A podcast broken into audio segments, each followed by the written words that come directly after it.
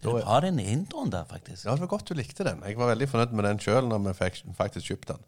Da vil jeg ønske alle velkommen tilbake igjen. Uh, nå har vi kommet til en ny uke, uh, og vi må bare beklage Øyvind, at vi dro deg rett ut av produksjonen, men vi, vi, det ble litt sånn feil på klokka, så vi trengte deg. Så det var godt du kunne komme tilbake igjen. Det er bare gøy. Nå nærmer det seg jul. Det er ikke mange ukene igjen nå. Det er vel bare et fåtall. Uh, juleøl, har du noe forhold til det, Øyvind? Ja, jeg har jo det. Uh, Ringnes julebukk er jo en slager. Oh. Fikk du lyst på det nå i år? Ja, jeg fikk lyst på det, men det er bare dumt at jeg må jobbe. Typisk. Alltid noe som ødelegger. Ja. Jeg er glad i juleøl. Jeg er ikke så glad i Det er personlig. 4,7% juleøl på butikk. Det er jeg ikke så glad i. Det er vanskelig å få fylden og kroppen rundt et 4,7 juleøl. Jeg liker de som er litt opp i styrke, gjerne fra 7 til 12% der du faktisk har litt kropp og fylde. Helt enig. Jeg syns òg det at det kan fort bli litt tynt når det blir på de svake. Og så blir det litt derfor bare mette markedet istedenfor å gi oss en opplevelse i samme maten. Liker du godt å ha øl til julemiddag, eller har du andre tradisjoner? Ja, jeg liker juleøl til julemat. Eh, men gjerne ikke den tradisjonelle. Jeg syns f.eks. til pinnekjøtt, en dobbel-IPA eller en IPA, Åh. er helt fantastisk. Endelig noen som er enig med meg. Det var akkurat det jeg skulle spørre om. Har du òg de der smakene der? Å dampe pinnekjøttet i IPA, det går han. Det er fantastisk. Da må jeg gå hjem og prøve det. Kan jeg få fri i dag? Du kan ikke få fri i dag, men du kan ta det en annen dag. Men det er ganske løye, for når jeg har snakket om IPA til, til pinnekjøtt, så har vel Joar arrestert meg tidligere. Eh, det hører til med historien at vi lagde en podkast på 40 minutter, meg og Joar. Så skikkelig gikk ad undas på når jeg ødela mikrofonen. Og da snakket vi litt om juleøl. Og da Jeg òg har sagt at jeg liker veldig godt IPA til juleøl. Og jeg hadde en opplevelse med min kjære mor, vi var ikke søstera mi. Og så hadde vi den Boulevard, den eh, 075-flaska. Jeg tror bare det var Boulevard IPA-en etter. Og der eh, satte han bordet og spurte om mor ville smake. Så smakte hun et glass, og hun sa at eh, dette var ikke mye godt. Så sa jeg nei, men bare smak, de lager maten. Og hvordan den bitterheten forsvant inn i pinnekjøttet, at det utligna hverandre, var en fantastisk god opplevelse. Og det var kjekt å se mor mi faktisk synes det var veldig godt med jipa. Så Det frisker opp den tunge maten på en måte, syns jeg. ja, det syns jeg òg. Så det var godt for noen som er enig med meg. Skal dere ha rett igjen, dere to? Nei da, det er ingen som har rett. Det er bare det vi opplever. Men så syns jeg litt med juleøl. I det siste så har det jo veldig mange sånn kjente gjøkebryggere rundt i, i verden. Og flere av de begynt å brygge juleipe. Det for meg blir litt feil. Jeg liker at det er ju- Eller jeg syns juleøl stort sett skal være en sånn type bukk. Litt mørke, mørke god øl. Eh, ikke den der lyse IPA-en. Det føler jeg mer er bare for å selge. Men det er vel sikkert pga. at vi satser på årganger på Melkebaren. At vi har f.eks. av Divum fra 2011 og fram til i dag. At jeg liker mer de lagringsmulighetene for juleøl. Har du noen tanker rundt det, eller er det hipp som happ?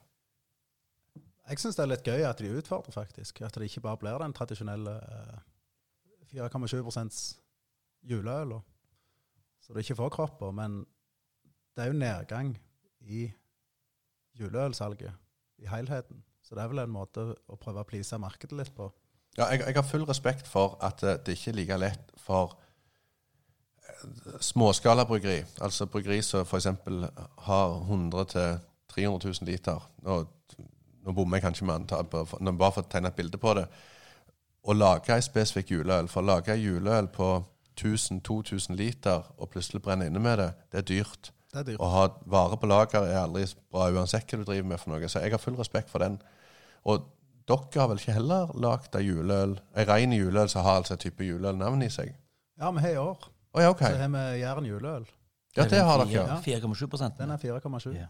Den er lagd i lag med Torstein Surdal, som starta Norges første mikrobryggeri. Ja, for den er det historikk med den øla. Ja. Du kan gjerne fortelle oss litt om den historikken.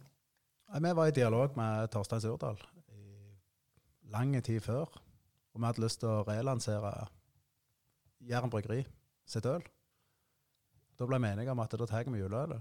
Jeg bare skyte inn litt. Jæren bryggeri lå på Kåsen og var vel 1980 1988. 1988, ja.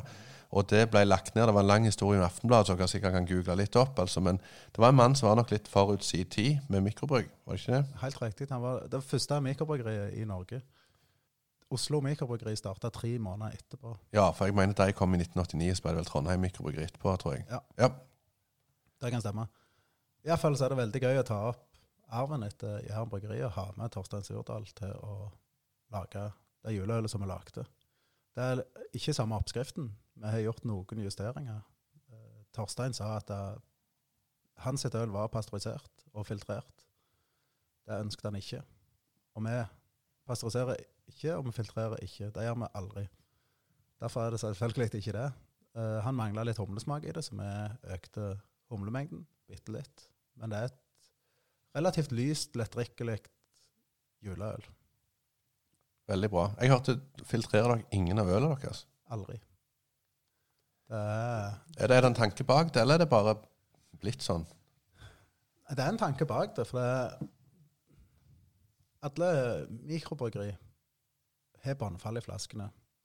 Det er pga. det sedimenterer seg over tid. Det sedimenterer seg ganske mye i tank, men du får ikke vekk alt. Du bevarer ølet. Det er levende, du pasteuriserer det ikke. Det vil si at du tar ikke knekken på noen eventuelle bakterier. Eller gjærsoppen som er i. Jeg mener det, det bevarer produktet mye bedre. Derfor de pasteuriserer det, er for å lage et konstant produkt som er dødt. Et mikrobrygg utvikler seg mye mer over tid. Eh, Får du en fersk IPA som er pasteurisert, så vil den smake helt annerledes forhold til Jeg har smakt det sjøl òg, forhold til hvis den ikke er pasteurisert. Jeg syns det er ganske morsomt det med båndfall. Eh, jeg har opplevd i baren her Jeg har tapt opp i øl til en kunde, og så har jeg noen ganger glemt meg av og fulgt opp i alt med båndfall i. Og kunden sier jeg vil ikke ha den flaska, for nå har du ødelagt hele flaska. Eller øla. Så har jeg prøvd å fortelle hvordan ting fungerer. Men så har jeg òg vært i Belgia, på litt eh, spesielle barer. Så får du øla oppi eh, et glass og fyller opp helt til båndfallet igjen. Og så på den samme planken så står det shotglass på sida, hvor de hiver båndfall oppi shotglasset. For de mener du skal få lov å kjenne det litt ekstra. Og det er ganske morsomt det for å se hvordan folk tenker rundt båndfallet. At det, det ikke er skadelig på noen måte, eller noe sånt, men det er mange kunder som får helt panikk når de får, får det oppi glasset. Det er jo ingenting å si om du får det i deg. Det er en del av ølet som du drikker uansett. Det som ligger i bånn, det er som regel gjør. Eh, Det er litt smak i det. Noen foretrekker å ikke ha det med, og noen foretrekker å ha det med. En Weissbier, for eksempel, der bør du ha det med, mener de. Når du bestiller deg en Weissbier i Tyskland, så tømmer de nesten hele flaska oppi glasset ditt, og så ruller de på flaska, og så tar de med siste resten. Det og det syns jeg er en bra ting. Og da tenker jeg alltid Baren Bjørn som jobbet med Melkbaren. Han var alltid opptatt av å få litt vann i glasset først, tappe og rulle rundt og få med siste rest oppi. Så, og da holder den opp mot lyset, ser dere. Jeg syns det er et flott syn. Men eh, Forskjellige meninger om båndfall, men det er Ja, det bare, husk det at det er iallfall ikke skadelig. Så No, noen av ølene til Ryger har ekstremt båndfall. Annet disse her fruktøler som vi lager. Det er pga. at vi bruker rå frukt. Og det sedimenterer ikke like godt som, som gjær og humleier. Så det, det inneholder mye båndfall pga. at vi har brukt ekte produkt. Vi har ikke brukt falske tilsetninger. Så mitt, så mitt råd til dere rundt forbi der er at ta med båndfallet. Men hvis dere har panikk for båndfallet, så si gjerne til bartender at det bare la litt stå igjen i bånd, for du ikke har båndfallet. Men et lite spørsmål. Unnskyld. Det er med Når du bruker bær i, i um, brygginga Av og til eh, står det faktisk på flaska at du skal snu flaska eller boksen før du Det riktig. Det, det vi begynt å ha på noen av boksene våre pga. Vi har f.eks. en IPA som vi har nå, med guava-puré oppi. Guava er en søramerikansk frukt. Ser ut som en blanding av eple og, og pære. Den er rosa inni og grønn utpå. Smaker en blanding av mango og, og jordbær, kan vel si. Den sedimenterer veldig dårlig. Derfor inneholder guava-produktet vårt mye brannfall. Men jeg mener det, der er det fruktkjøtt som er igjen. Og da mener jeg at du bør ha det med. Gjerne det ikke ser delikat ut, men det er med å booste smaken.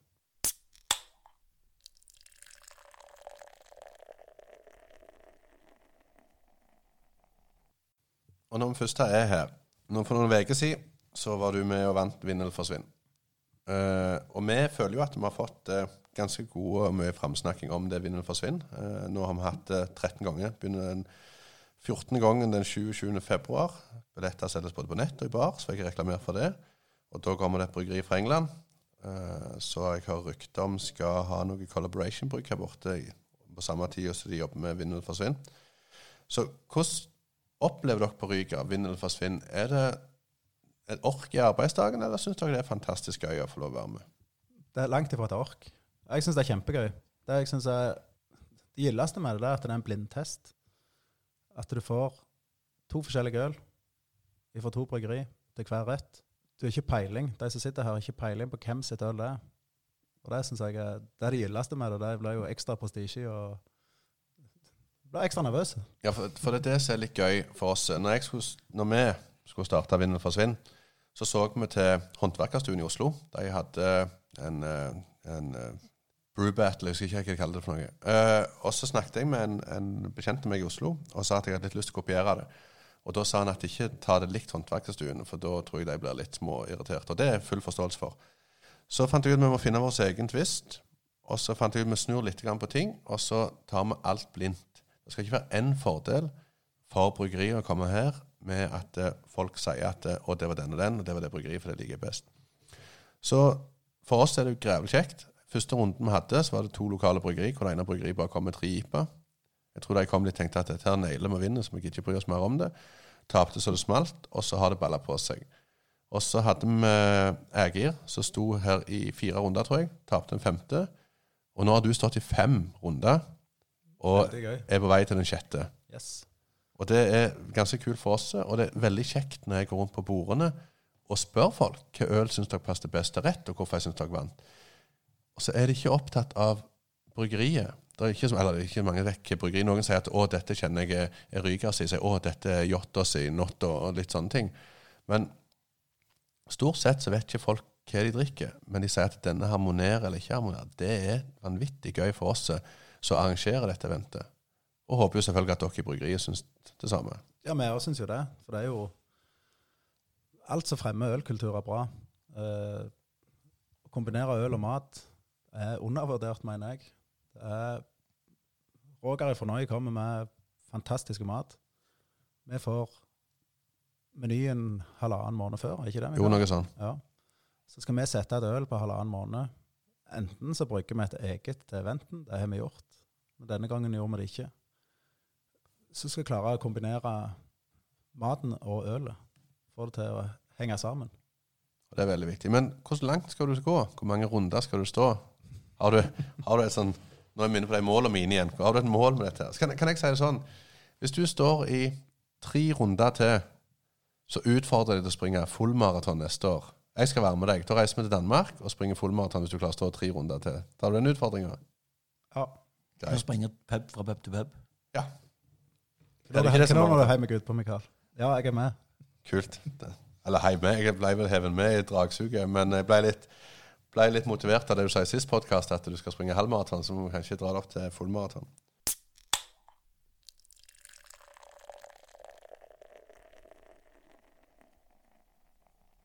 Vi snakket òg tidligere om, eh, om eierstrukturen og, og, og, med hvem som eier dere og sånn. Føler du at dere har hatt en økonomisk fordel kan, mot andre bryggeri, eller føler du at andre bryggeri har vært litt sure på dere pga. dere har hatt de eierne? Eller hvordan føler du at dere har blitt mottatt med Rema 1000 som eier. Jeg er ikke på jakt etter Rema 1000 på noen måte. Jeg bare lurer på hvordan føler du at dere har blitt oppfatta i bransjen? Brygge-Norge er veldig lite.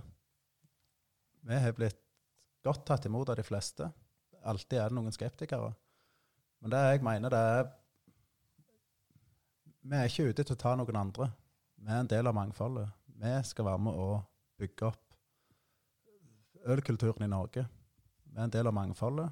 Vi er ikke konkurrenter. Det skjerper sansene til alle bryggeri, mener jeg, med flere bryggerier i bransjen. Du må være på hele veien, som igjen skaper en fordel til kunden. Hvis jeg da følger opp med spørsmål om at uh, av de 42 ølene, eller nå er det jo blitt mer enn sist gang vi snakket, ja. så dere har ute på, på Ratebeer, eller Untapped, eller på, på der det er, hvor mange av de ølene har Rema 1000 påvirka dere brygge? Vi har hatt full frihet ja. til, til, å produsere det vi mener selger. Og, og de har tillit til oss og, og, og trodd på det vi holder på med. For med tanken på at eh, 80 av ølet dere har produsert er over 4,7, så er det jo faktisk noe de ikke kan selge engang. Ja, Det er riktig. Eh, vi, vi er produsert til Rema, så har vi pils og lager. Så jeg produserer i Arendal med vår råvare. Det går litt på Det vel vi være ærlige om. Det går litt på det å bygge stein på stein. Eh, det er store investeringer med ei bokselinje. Vi har ei flaskelinje per dags dato. I Arendal lager jeg 25 000 liter i slengen. På Ryga kan jeg lage 2800 liter. For, for å være, kunne klare oss på pris, så, så, vi, så kan vi ikke produsere det på Ryger. Ikke pils og lager. Utenom det så har vi tre typer på flaske i butikk. Det er en pale ale, en hvitt og en kølsj. Eh, vi har hatt en sjette versjon, en guava apa, eller amerikanske pale ale. Så ble relansert neste år nå. For det var en salgssuksess. Den slo godt an i markedet. Så vi, vi har seks typer til Rema 1000. Vi kommer til å komme med to nye til til neste år. Veldig bra. Jeg syns bare det er kjekt, jeg, for det er jo ikke tvil om at eh, jeg var en av de som var litt skeptiske om dere fikk lov å bruke det dere ville. Og det har jeg og deg òg snakket om tidligere. Uh, og jeg er veldig imponert både over de ølene dere har, har uh, lansert, syns jeg er mye, mye gode produkt. Og det er veldig kjekt å både se utviklingen deres, og ikke minst ha vært litt med på den reisen deres. Så jeg er, jeg er veldig imponert av, av der dere står i dag. Takk jeg for det. føler at dere har Det har gått overraskende bra for dere. Så, men det har jo med kunnskap og engasjement. Takk for det. Men det, det var litt gøy òg, for det når, du har skeptikere rundt deg Jeg òg kan forstå de er skeptiske, men vi skal være Hva skal jeg kalle det? Vi skal være det øvre sjiktet på Rema. Vi kommer til å være de dyreste på øl. Eh, Med særegen avtale med Rema 1000. Det er kun på Rema 1000 du får ølet til Ryger på 4,7 Vi selger litt til Gulating og, og Våland ølutsalg og, og små utsalg utenom. Men det er du, du må gå den lille ekstra mila, føler jeg, når du har skeptikere rundt deg. Og da er det du, du skal aldri tøyse med råvarene. Du skal alltid bruke de beste råvarene. Vi bruker mer tid på å lage et øl hos oss enn en storprodusent gjør. Og, og derfor er ølet dyrere. Og det mener jeg skal gjenspeile seg i produktet, at det skal være bra. Jeg mener også at du alltid kommer, eller jeg mener du kommer lenger med å framsnakke kollegaene dine enn å snakke ned såkalt konkurrentene dine. Så jeg syns dere har vært gode, og det er ikke noe annet enn bare å si at det blir spennende å følge dere videre på akkurat den reisen der. Takk for det.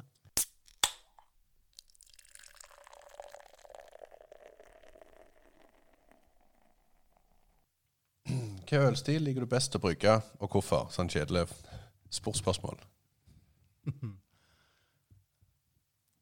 Da må jeg jo tenke eh, Det er så mye forskjellig øl jeg liker å lage. Jeg uh, Nei, det er ikke vanskelig. Imperial Stout. Det er det gildeste å bruke. Det er det. Selvfølgelig den kraftig humla neipa også er gøy å bruke, men en Imperial Stout med vanlige Imperial Stouter Imperial Stouter med, tilsetninger, jeg syns det er kjempegøy å lage. Det er noe jeg alltid har har brent for. Vi har jo snakket om en annen brygger som vi liker veldig godt på dette huset, som heter Sven, som er bryggmester på Brix. Og Dere har vel hatt noen sånn morsomme, underholdende diskusjoner om eh, type stauter og innhold og litt sånne ting. Riktig det. Nei, Sven er en fantastisk mann. Uh, han kommer jo ifra, ifra Tyskland. Litt tradisjonelle. Jeg er motsatt ende av, av Sven, så det er derfor det er veldig gøy å jobbe med han og, og vært med og brukt mye med han. For vi har to forskjellige synspunkt på hvordan vi skal lage øl. Og nei, det gjør det bare gøy. Kjempebra. Han, er, han står høyt eh, i lista på vår eh, likes over brukere, så det, det er kult. Så vi, vi, har jo prøvd å, vi skal jo prøve å få han med oss litt seinere òg, så, så tåler han å bli fyrt litt i, og det syns vi er veldig kjekt. skulle jo hatt Øyvind og Sven samtidig og fått en skikkelig diskusjon. Ja, men vi får utfordre de, begge to, at uh, vi får gjort noe. Men det gjør vi lenger ned i gata. Vi skal få begge to rundt bordet lenger ned i svingen, skal vi si, så skal vi få det gøy. For du stiller opp en gang til, gjør du ikke det? Selvfølgelig gjør jeg det. Veldig bra. Hvor tror du, Øyvind dette, dette er vel en diskusjon jeg har hatt med ganske mange bryggeri. Uh, og folk i bryggeribransjen. Uh, ølbloggere. Eh, jeg vet meg og Sammy Myklebust, som er en veldig kjent ølblogger i Norge. Jeg og han hadde en sånn samtale her for en stund siden. Så jeg har sagt at jeg tror om, om fem og ti år så tror jeg at det er halvert med bryggeri rundt i Norge. Og jeg sa vel da at jeg tror de går konkurs, men det som Sammy sa at eh, jeg tror ikke nødvendigvis de går konkurs. Det er mer at de legger ned, for det kreves mye arbeid og lite inntjening. Og du blir metta etter hvor lenge du går på dugnad. Det, det finnes begrensninger. Og eh, ifølge Wikipedia så var det 343 bryggeri i Norge i 1857. Og nå var jeg inne på Drikkevareforeningen og, telte der, og i 2018 var det 126 ifølge Bryggeri- og drikkevareforeninga. Hvor tror du vi om fem år av ja, både antall og sånn? Hvor, hvor, hvor tror du vi hvor går veien hen for, for de litt mindre bryggeriene? Det er vanskelig spørsmål, egentlig. Mye av bryggeriene ble jo drevet av ildsjeler og, og, og det de brenner for. Vi har òg i Ryger har jobbet døgnet rundt, selv om vi ikke eier det. Så har det gått to uker på ei uke, skulle jeg til å si. Vi, vi jobber mye. Men det må du gjøre. Det er en veldig, veldig tøff bransje. Eh, jo mindre bryggeri du har, jo vanskeligere er det å drifte. Det går på hvor mange timer du bruker på å lage et øl. Lager du 500 liter øl på ditt 500 liters bryggeri, så bruker du like lang tid som om du hadde hatt et 25 000 liters bryggeri. Da er det bare å regne på timene hvor mye det koster. Og, og, og det er mange som driver med ildsjel og, og dugnadsånd, men jeg tror ikke det er bærekraftig til lengden. Dessverre. Dessverre, ja. Så, og det er jo der jeg syns at eh, Dette er en helt annen diskusjon, men jeg hadde jo likt hvis at eh, staten hadde gjerne sett litt på at bryggeriene kunne hatt litt mer bryggeriutsalg sjøl. Gjerne solgt det som var over 4,7 òg, og så fått, eh, fått til produktene sine. Men det er en helt annen politisk diskusjon som vi sikkert kan diskutere her ifra til måneden. Det kan vi, og det jeg, står jeg 100% bak. Hadde bryggeriene fått lov til å ha sitt eget utsalg med over 4,7 så kunne det løfta de ekstremt mye, og kunne gjerne klart de til å fått de til å klare å drive videre. Helt enig.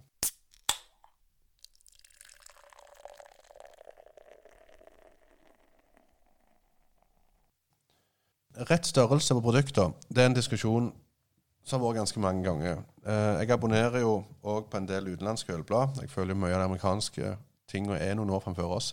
Jeg husker bl.a. boks versus flaske var en diskusjon de hadde der for mange år siden. og så har han kom snikende til Norge òg. Hva føler du er rett? Boks, flaske, 075, 05, 033. Har du noen tanker rundt hva Ja, det har jeg. Vi går over til Vi har flaske per dags dato på, på Rygger brygghus. Vi går over til boks. Vi starter produksjonen, så vi skal ha over boks de neste tre, to ukene nå. Eh, det blir jeg, jeg mener ølet holder seg bedre på boks. Du har det hermetisk tett. En ølkork vil leke bitte litt uansett.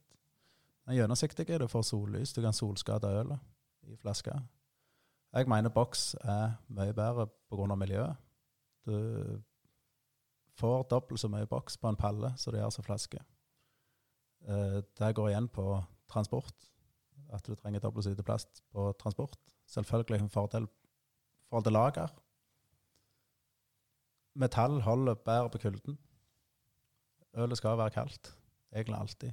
Spesielt håndverksøl. Bare fordeler med boks, mener jeg. Men så savner jeg jo en god Imperial Stout på ei flaske. Det er jo Det, det mener jeg skal være på flaske, men du ser i USA det, alt, alt går over på boks. Det er det. Jeg tror det er framtida. Mindre og mindre flasker. Jeg syns jo det er veldig flott å gå på en restaurant sånn type Noi rett ned i gata her og, og kjøpe en rett og f.eks. få ei skinn vestkyst på 075. Og hvis jeg ikke tar helt feil, så var vel litt av tanken til Espen Lode var at eh, 075-flaske passer godt på et bord som, som alternativ for vin når de begynner med dette. her, Så jeg syns det er en kjempegod tanke. Ja, jeg syns det er veldig tøft med 0,75-flaske. Problemet kan jo være at prisen ut til kunden kan bli veldig høy, og, og folk blir litt redde for det. Så kan det også kanskje bli litt mye. Nei, Ja, for tanken er jo mange ganger at 075 skal være delflaske. Og den er jeg veldig innforstått med sjøl, jeg òg. Også oss som skal selge produktene, vi må jo også ha et påslag, for vi må jo tjene penger, betale husleie, lønninger og sånne ting. Så, så blir de veldig fort uløselige. Spesielt så, så Joar også sier at for størrelsen og for en mann så blir 0,75 ganske mye. Så, så jeg òg har jo trygla bedt litt til noen av mine leverandører at jeg hadde likt at jeg gått over til 0,33, for det, det er enklere for oss å selge og litt mer løselig pris. Mm. Vi, vi, vi varierer litt. Nå, nå har vi 033 boks som vi kommer til å ha i butikk. Eh, vi har hatt 044 på Vinmonopol.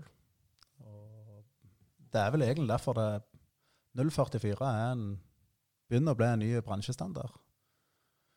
Eller jeg vet ikke. Det kan godt være det er en flopp òg, men mange går over på 044. Det er en mellomting mellom 033 og 05. Er ikke 0,44 en amerikansk pint, det? Eller bommer jeg nå? Det er muligens det. For en engelske pint er vel 0,568 eller noe sånt?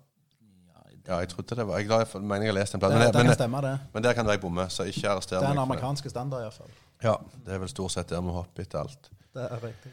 Eh, nå går vi begynner å lakke liv mot vinter. Eh, vi, vi nærmer oss slutten på dette. her. Vi liker veldig godt å fortelle litt om positive opplevelser vi har hatt.